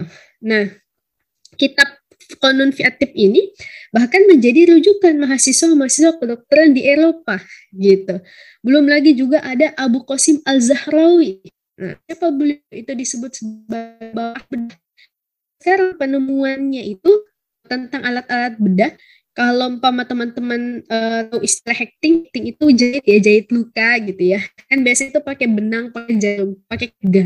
Nah, kega itu ditemukan oleh siapa? Kega itu ditemukan oleh Abu Qasim Al-Zahrawi. Belum lagi kemudian Ibnu Nafis. Wah, Ibnu Nafis itu adalah ilmuwan yang Masya Allah cerdas sekali. Sudah uh, apa namanya jauh jauh sebelumnya dia sudah mem, me, apa namanya istilahnya menjelaskan ya tentang teori sirkulasi dan juga sistem pernafasan, sistem respirasi yang lengkap, subhanallah. Gitu ya. Dan banyak lagi ilmuwan-ilmuwan ilmuwan-ilmuwan khususnya di bidang kedokteran yang lain gitu. Nah, jadi pada intinya adalah kalau misalkan kemudian kita lihat bahkan kalau umpama uh, Imam Syafi'i itu mengatakan ya saking worth ilmu kedokteran itu beliau menganggap setelah ilmu uh, Al-Qur'an yang wajib dipelajari itu adalah ilmu kedokteran gitu. Itu menurut uh, Imam Syafi'i gitu. Saking kemudian ya tadi worth ilmu kesehatan itu dalam pengaplikasinya di tengah-tengah masyarakat kan nggak bisa maksimal juga ya orang buat ibadah kalau nggak sehat kebayang nggak gitu. Nah jadi kebermanfaatan itu memang luas banget. Tapi selama Kemudian orientasi yang kita pakai adalah orientasi lillah, orientasi akhirat, bukan sekedar kemudian. Jadi, nah balik lagi nih, kalau teman-teman sendiri dari yang apa yang udah aku uh, jelasin tadi, udah cuap-cuap tadi, masih ngerasa worth it atau ngerasa worry nih dengan pendidikan kedokteran? Ada yang mau ngobrol-ngobrol nggak? Meramaikan kolom chat boleh, yang mau ngobrol langsung boleh raise hand aja. Ya, silahkan. Yang mau ngobrol langsung raise hand ya. Masya Allah, Anissa kali worth it sih. Siapa nih Tasha worth it kak? Oke. Okay. Oh, ada oh, dia raise hand. hand. Uh -uh, silakan silakan. Yang mana dulu okay, nih? Oke, silahkan Nabila Zahri. Ya, silakan Nabila. Baik, dokter. Terima kasih atas kesempatannya. Jadi begini rekan, uh, saya itu masih semester satu kan uh, kedokteran gigi. Nah, kadang tuh berpikir dokter kalau misalnya uh, mampu nggak ya kelak uh, saya tuh beneran jadi dokter gigi yang kompeten dan apa namanya bisa membantu banyak orang gitu loh dokter. Nah itu gimana sih dok biar apa namanya uh, menguatkan diri kalau misalnya oh kamu mampu kok gitu. Mungkin dari dokter ada kata mutiara atau motivasi atau mungkin ada pengalaman seperti itu juga dokter. Terima kasih dokter. Iya, ini jadi pertanyaan ya. jadi kalau misalkan uh, bicara tentang masalah tadi ya yang disampaikan sama Nabila, uh, perasaan insecure mampu nggak ya? Apalagi misalkan kita merasakan fase yang berbeda gitu ya. Uh, zaman misalkan kita SMA dengan pas kuliah, eh pas kuliah kok mata pelajaran ini gini banget gitu ya. Saingan juga, waduh, nggak seperti waktu zaman zaman SMA. Pelajaran lebih mudah difahami. Ini mah, ya Allah susah banget misalkan. Akhirnya muncul tuh pikiran-pikiran insecure yang kayak, kok aku susah ya menguasai materi ini, bisa nggak ya aku jadi dokter jadi jadi apa ya jadi dokter gigi yang baik dan kompeten gitu ya. Ya aku juga pernah ngerasain kok apa yang dirasain sama Nabila pas awal-awal kuliah apalagi tadi ya kita berada di fase yang berbeda banget dibandingkan dengan zaman SMA ini muncul tuh pikiran-pikiran kayak gitu bisa nggak ya kok kayak rasanya kayak apa aku pindah jurusan aja ya?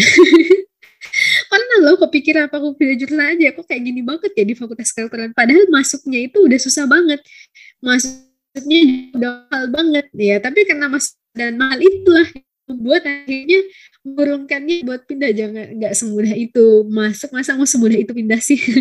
Kayak gitu ya. Nah pada intinya adalah apa? Pada intinya adalah uh, insya Allah kita itu bisa kok selama kemudian kita senantiasa belajar dan berdoa kepada Allah gitu. Nah kenapa? Ya karena lagi uh, bahwa Nabila bisa masuk fakultas kedokteran gigi itu artinya Nabila punya kompetisi di situ gitu kan. Nah, terus gimana dong kak aku ngerasa takut dan lain sebagainya itu hal yang wajar kok. Ya tadi aku juga pernah ngalamin hal yang sama, ngerasa bahwa saya ini mampu nggak ya aku e, menjalani semua mampu nggak ya aku jadi dokter yang memang betul-betul kompeten dan lain sebagainya. Ya jalani aja dulu. Yang membuat kita mampu atau tidak itu kan tergantung dari apa ikhtiarnya kita juga. Nah, maka yang harus dikencangkan adalah ikhtiarnya kita dan juga tawakalnya kita, doa kepada Allah, berserah diri kepada Allah agar kemudian senantiasa diberikan kemampuan, diberikan kemudahan dalam segala macam bentuk proses belajarnya, baik itu e, belajar teorinya maupun skillnya, kayak gitu sih. Dan tetap aja, maksudnya gini, eh, tenang aja kok untuk tahu kita kompeten atau tidak kan salah satunya banyak ujian ya. Maka itu gunanya ujian gitu ya. Karena ujian itu yang menjadi salah satu bentuk standar kompetensinya kita gitu Nabila. Meskipun itu nggak nggak menjamin sih dalam artian apa ya uh, ujian itu kan uh, ujian itu kan sebenarnya uh, untuk memang untuk melihat kompetensi. Tapi bagaimana kita di lapangan apakah benar-benar kompeten atau tidak Nah, itu balik lagi dengan bagaimana kemampuan kita. Karena kan kalau misalkan ujian itu hanya sekedar sampel ya, hanya sekedar sampel. Uh, tetap kalau artinya kita udah berusaha dengan sungguh-sungguh, yakinlah bahwasanya insya Allah uh, Allah yang akan mudahkan meskipun hari ini kita tidak mampu karena kadang-kadang begini Nabila uh, kita itu banyak khususnya misalkan kalangan nakes itu banyak akhirnya mendapatkan kompetensi bukan dari teori tapi dari pengalaman pengalaman di lapangan gitu. Oke, kita punya basic evidence based medicine gitu ya dengan teori yang kita kuasai juga udah koas gitu ya, udah ada skill-skill yang dipelajari, tapi sebenar-benarnya bagaimana kompetensi menghadapi orang, menjadi decision maker, menjadi pengambil keputusan, itu uh, kompetensi itu semakin terah ketika apa? Ketika semakin banyak pengalaman. Pada intinya apa? Jangan pernah menyerah untuk mencoba gitu ya. Nabila. Baik. Terima kasih atas jawaban. Iya. Doakan Nabila ya, semoga jadi nanti jadi dokter gigi yang uh, solehah dan kompeten. Amin. Oh sih, uh, Mbak Soemin ini banyak banget yang raise hand nih, masya Allah. iya, ini ada Naila dulu. Naila dulu, Naila dulu ya. Silakan Naila. Terima kasih ya. sebelumnya. Mungkin aku cuman sedikit cerita nih, Kak. Jadi aku punya sepupu. Nah, sepupuku ini tahun kemarin udah lulus hmm? dia keterima di salah satu pet nggak salah. Nah, hmm. terus kan kalau tes itu kan kita diwajibkan buat bayar uang pangku. Yeah. Kalau nggak salah uang pangkal itu disuruh bayar sekitar 300 juta untuk FK. Nah, terus dia kembali lah ya sempat nanya sama orang tuanya sama omku tapi dia tuh dilarang gitu loh kak. Katanya kalau baru uang pangkal itu sama aja kayak nyogok gitu loh. Makanya aku mau perjelas sama kakak emang uang pangkal itu dibolehinkah dalam Islam atau enggak soalnya aku juga pernah nih disinggung sama orang tua mm-hmm. gak usah FK kalau harus dibayar gitu gitu itu sama aja nyogok nanti nggak berkah gitu malah mm-hmm. jadi mental down gitu loh kak makasih mm-hmm. ya makanya harus dicari faktanya dulu gitu ya kalau misalkan uh, ternyata di website di website universitas itu memang udah terpampang senyata itu, gitu ya, pengumumannya bahwasanya yang lulus itu, uh, misalkan yang lulus itu uh, punya kewajiban untuk bayar uang pangkal, berarti uang pangkal itu bukan uang sogok. Itu uang sogok kalau misalkan dia itu disembunyikan di balik layar dan kita itu belum lulus gitu. Ngerti gak sih? Kita itu nggak lulus, tapi kalau mau lulus, Anda nggak lulus nih. Tapi kalau mau lulus, bayar sekian gitu. Berarti kan bukan melalui jalur tes tuh kalau kayak gitu. Nah itu yang baru tidak barokah, itu yang baru yang keliru. Meskipun sebenarnya kalau bicara masalah Islam, uh, ininya itu konsep dasar Islam itu sebenarnya pendidikan gratis.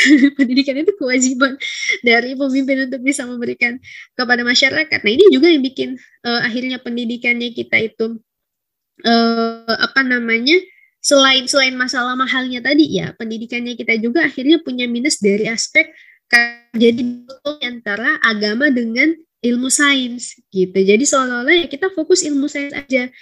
Di backing dan basic ilmu harusnya sinergi ya antara ilmu dengan ilmu dunia. Biar ya kita nanti misalkan pada saat um, menjadi nakes yang profesional bisa memberikan ibaratnya advice-advice yang memang sesuai dengan syariat gitu ya.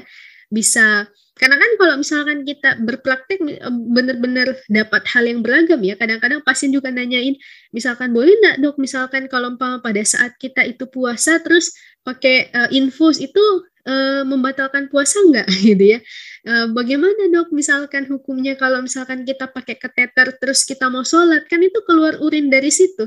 Itu najis nggak atau kayak gimana itu kan hal yang sebenarnya praktikal banget ya praktikal banget tapi uh, kemudian tidak di jadi aku cuma mau bilang bahwa saya nggak ideal ideal hari ini karena tidak menjadi Islam itu sebagai betul-betul sendi, dan dasar gitu ya.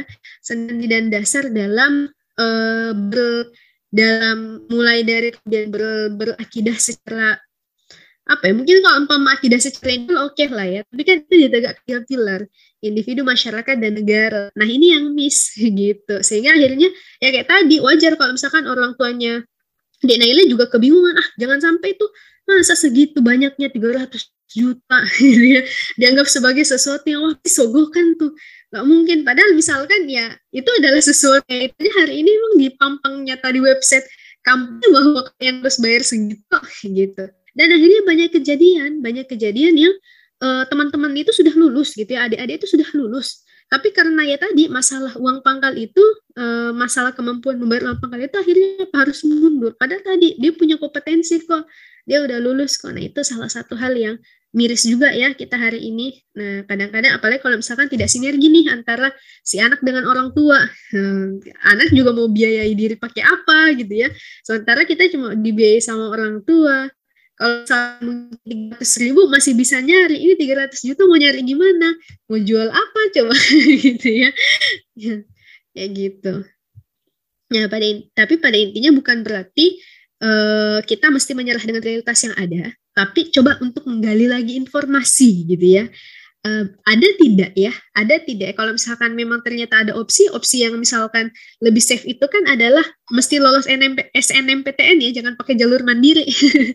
gitu meskipun itu susahnya minta ampun, tapi ya diusahakan di situ. Kalau memang ternyata kita ngerasa bahwa kayaknya kalau ujian mandiri ini aku nggak bisa sama sekali ya meskipun lolos, tapi yang masalah kemampuan finansial kayaknya uh, tidak sanggup untuk ke situ ya maka kita berusaha untuk di jalur yang lebih uh, ibaratnya ya yang lebih memungkinkan lah ya kayak gitu. Sambil ya tetap uh, tadi bertawakal kepada Allah. Oke okay, Naila. Oh masih ada.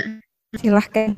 Uh, saya mau sedikit cerita dulu. Uh, saat ini saya uh, sedang kuliah di jurusan yang sebenarnya saya tuh nggak expect gitu mau ke sini gitu. Mm-hmm. karena dulu jurusan ini tuh ada di plan paling akhir saya gitu kalau nggak masuk ke sini. Nah, Kak, itu waktu daftar itu karena dari dorongan atau ajakan teman-teman buat coba aja ikut gitu. Karena waktu itu cuma pakai trapot dan ternyata lolos.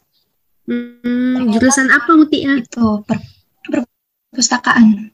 Oh, perpustakaan, masya Allah. Oke. Okay. Nah, ternyata setelah pengumuman seleksi SNM, SBM dan jalur-jalur lainnya, plan-plan yang uh, saya udah atur itu kayak nggak ada yang lolos semua gitu.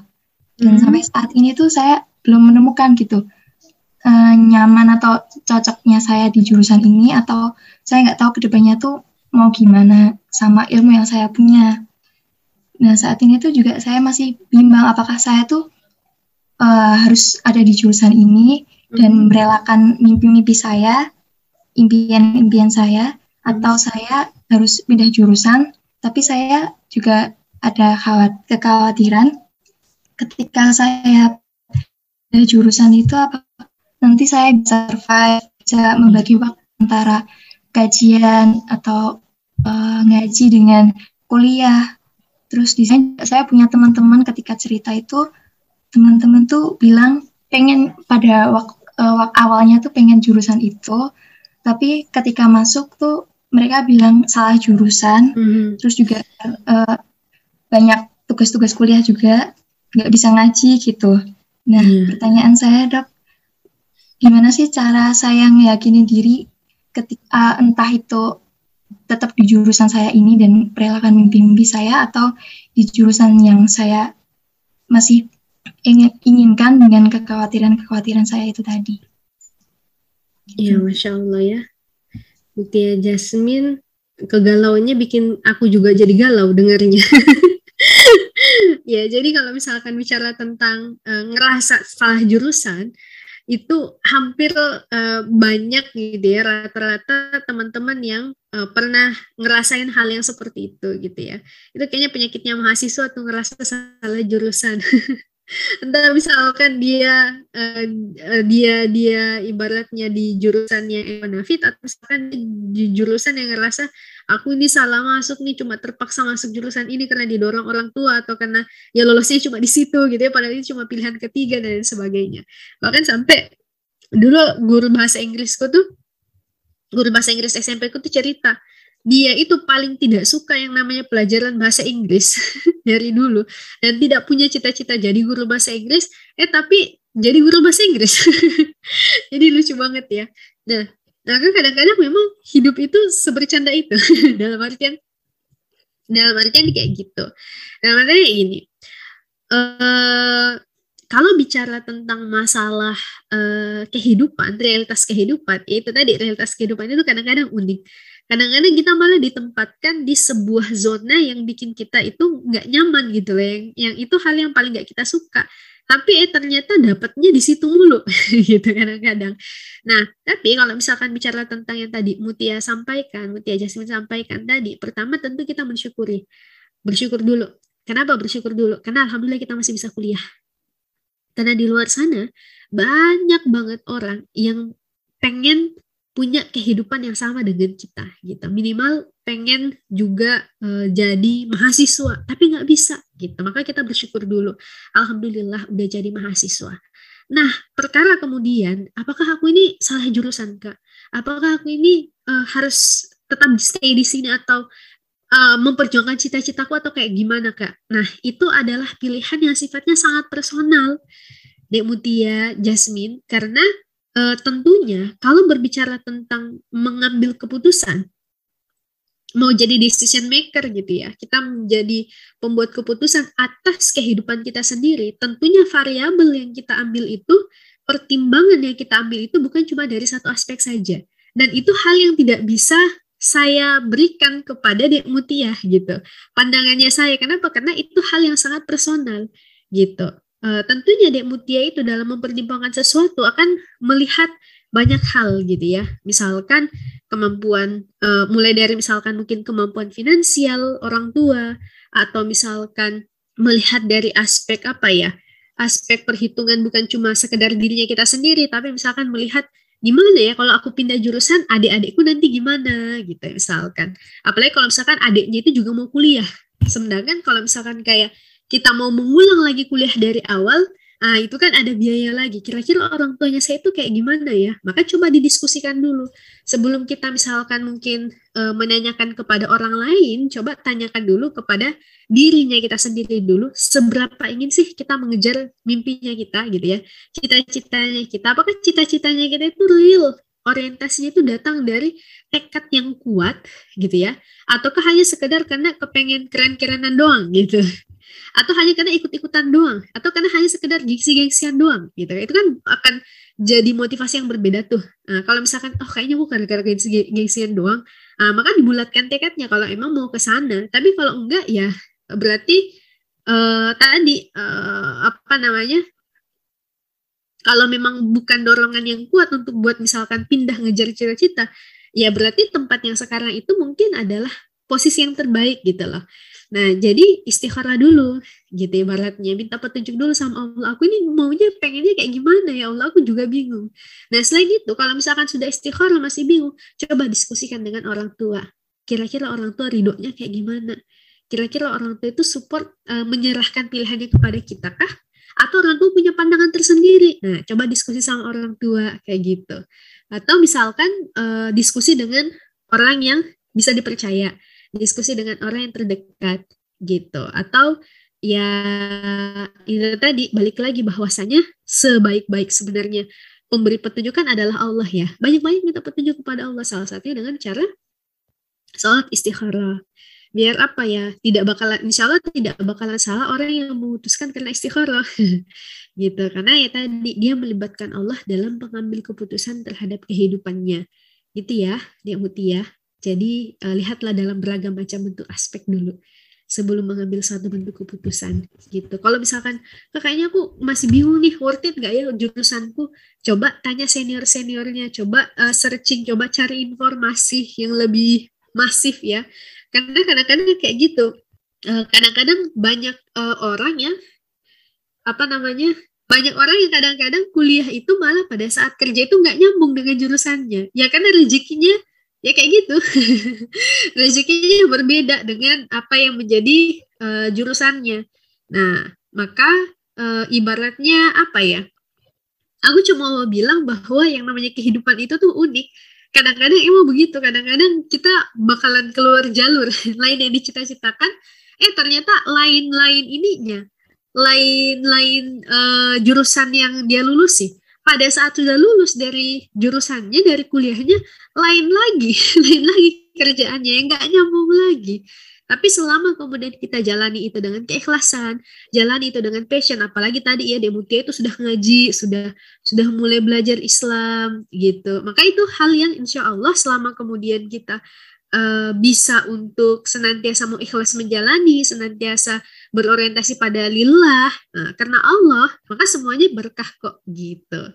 Tapi bukan berarti uh, aku ngelarang misalkan Mutia mau menggapai cita-citanya, misalkan mau keluar dari usaha atau apa ya, itu tergantung dari pilihan personal dia Mutia lagi. Gitu ya.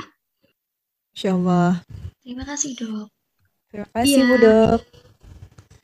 Oke ini ada Oh, ini yang katanya mau nanya tapi bakalan panjang banget. Anissa Kalila, silahkan. Oh, ya, bismillah.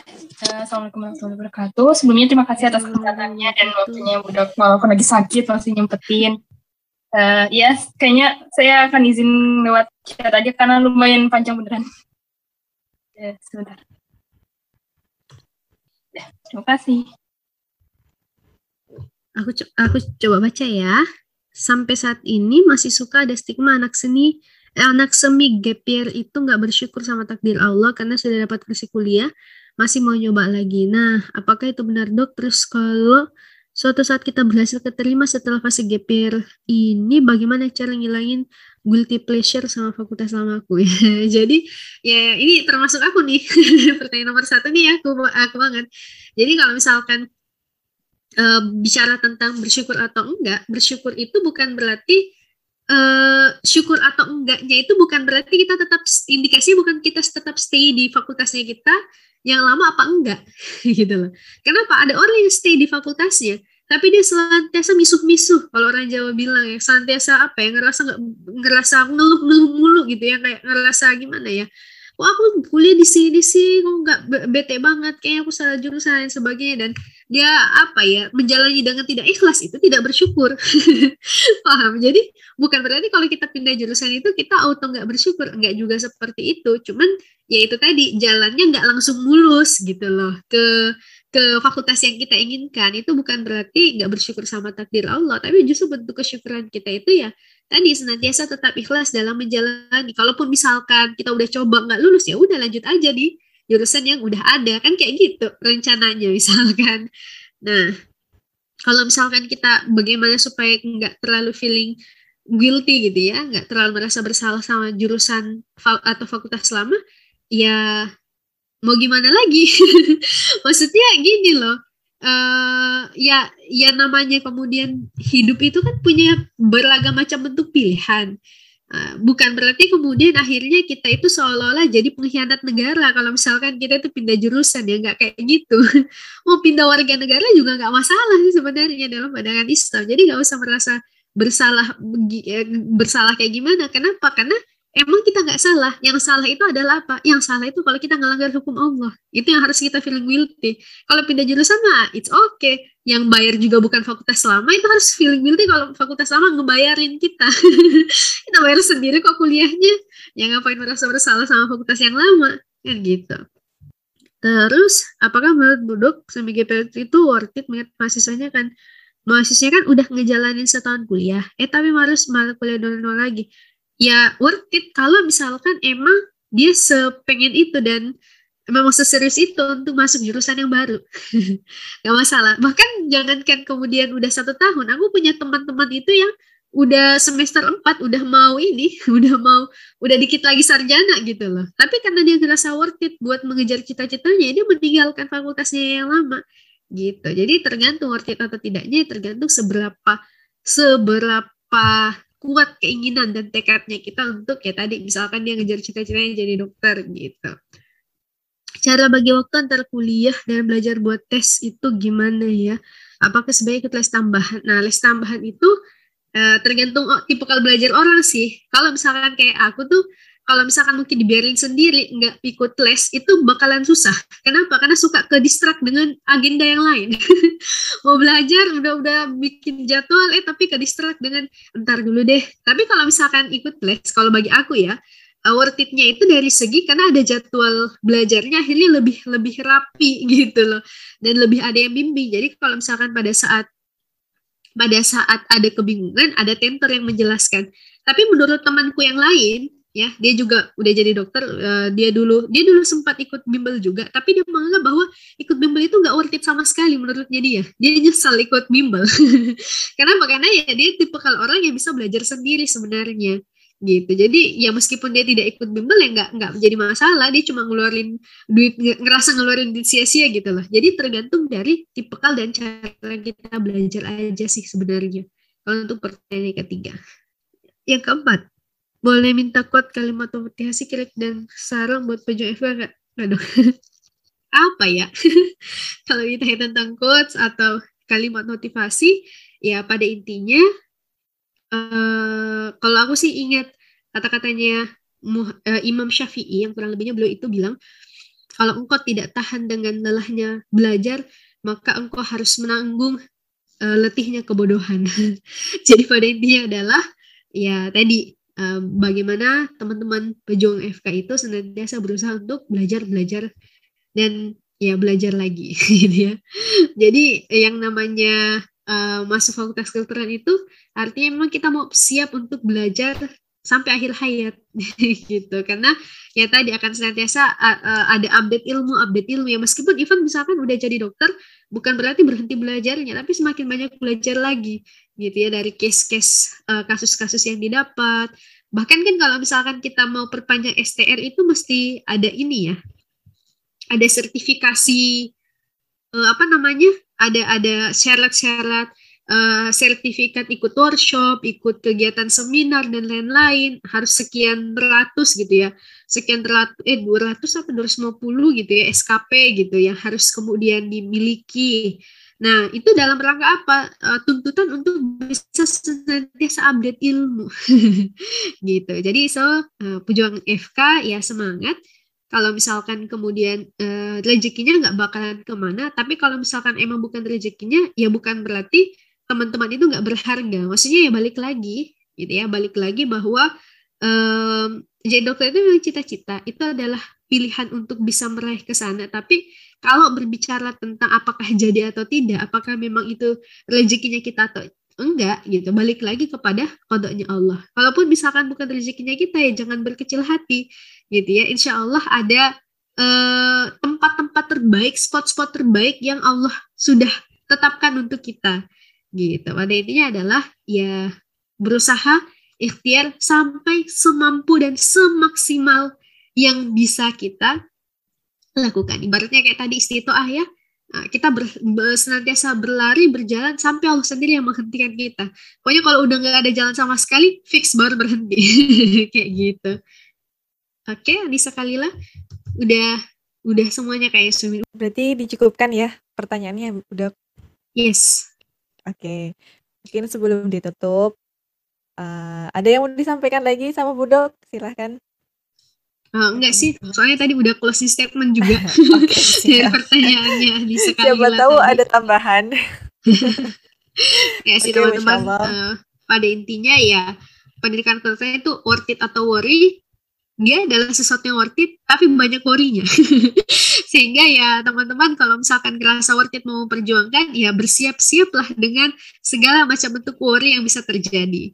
Uh, tetap uh, semangat. Yang penting kita senantiasa uh, mendekatkan diri kepada Allah senantiasa mensinergikan antara cita-cita kita dengan cita-cita keumatan mensinergikan antara perjuangan kita misalkan meraih cita-cita dan perjuangan kita juga membela agama Allah. Jangan sampai kita uh, sekedar semangat mengejar dunia tetapi lupa pada uh, akhirat gitu. Jadi disinergikan antara dunia dan akhiratnya.